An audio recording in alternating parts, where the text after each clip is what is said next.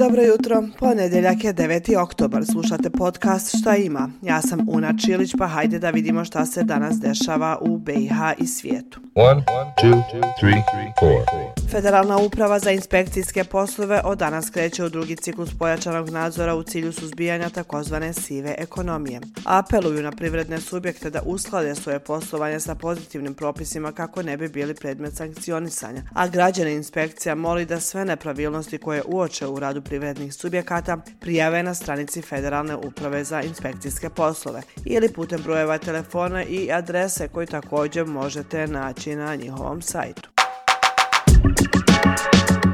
Centralna izborna komisija organizuje dan otvorenih vrata i promoviše nove tehnologije u izbornom procesu. Ako vas zanima kako to izgleda, svaki dan od 2 do pola 4 možete otići do CIKA, razgovarati o izbornom procesu sa članicama i članovima komisije, te vidjeti praktičnu prezentaciju najsavremenije opreme koja se koristi na biračkim mjestima. Riječ je o automatskoj identifikaciji birača, procesu glasanja i skeniranju glasačkih listića, kao i brzom transferu rezultata sa biračkog mjesta do glavnog centra za brojanje.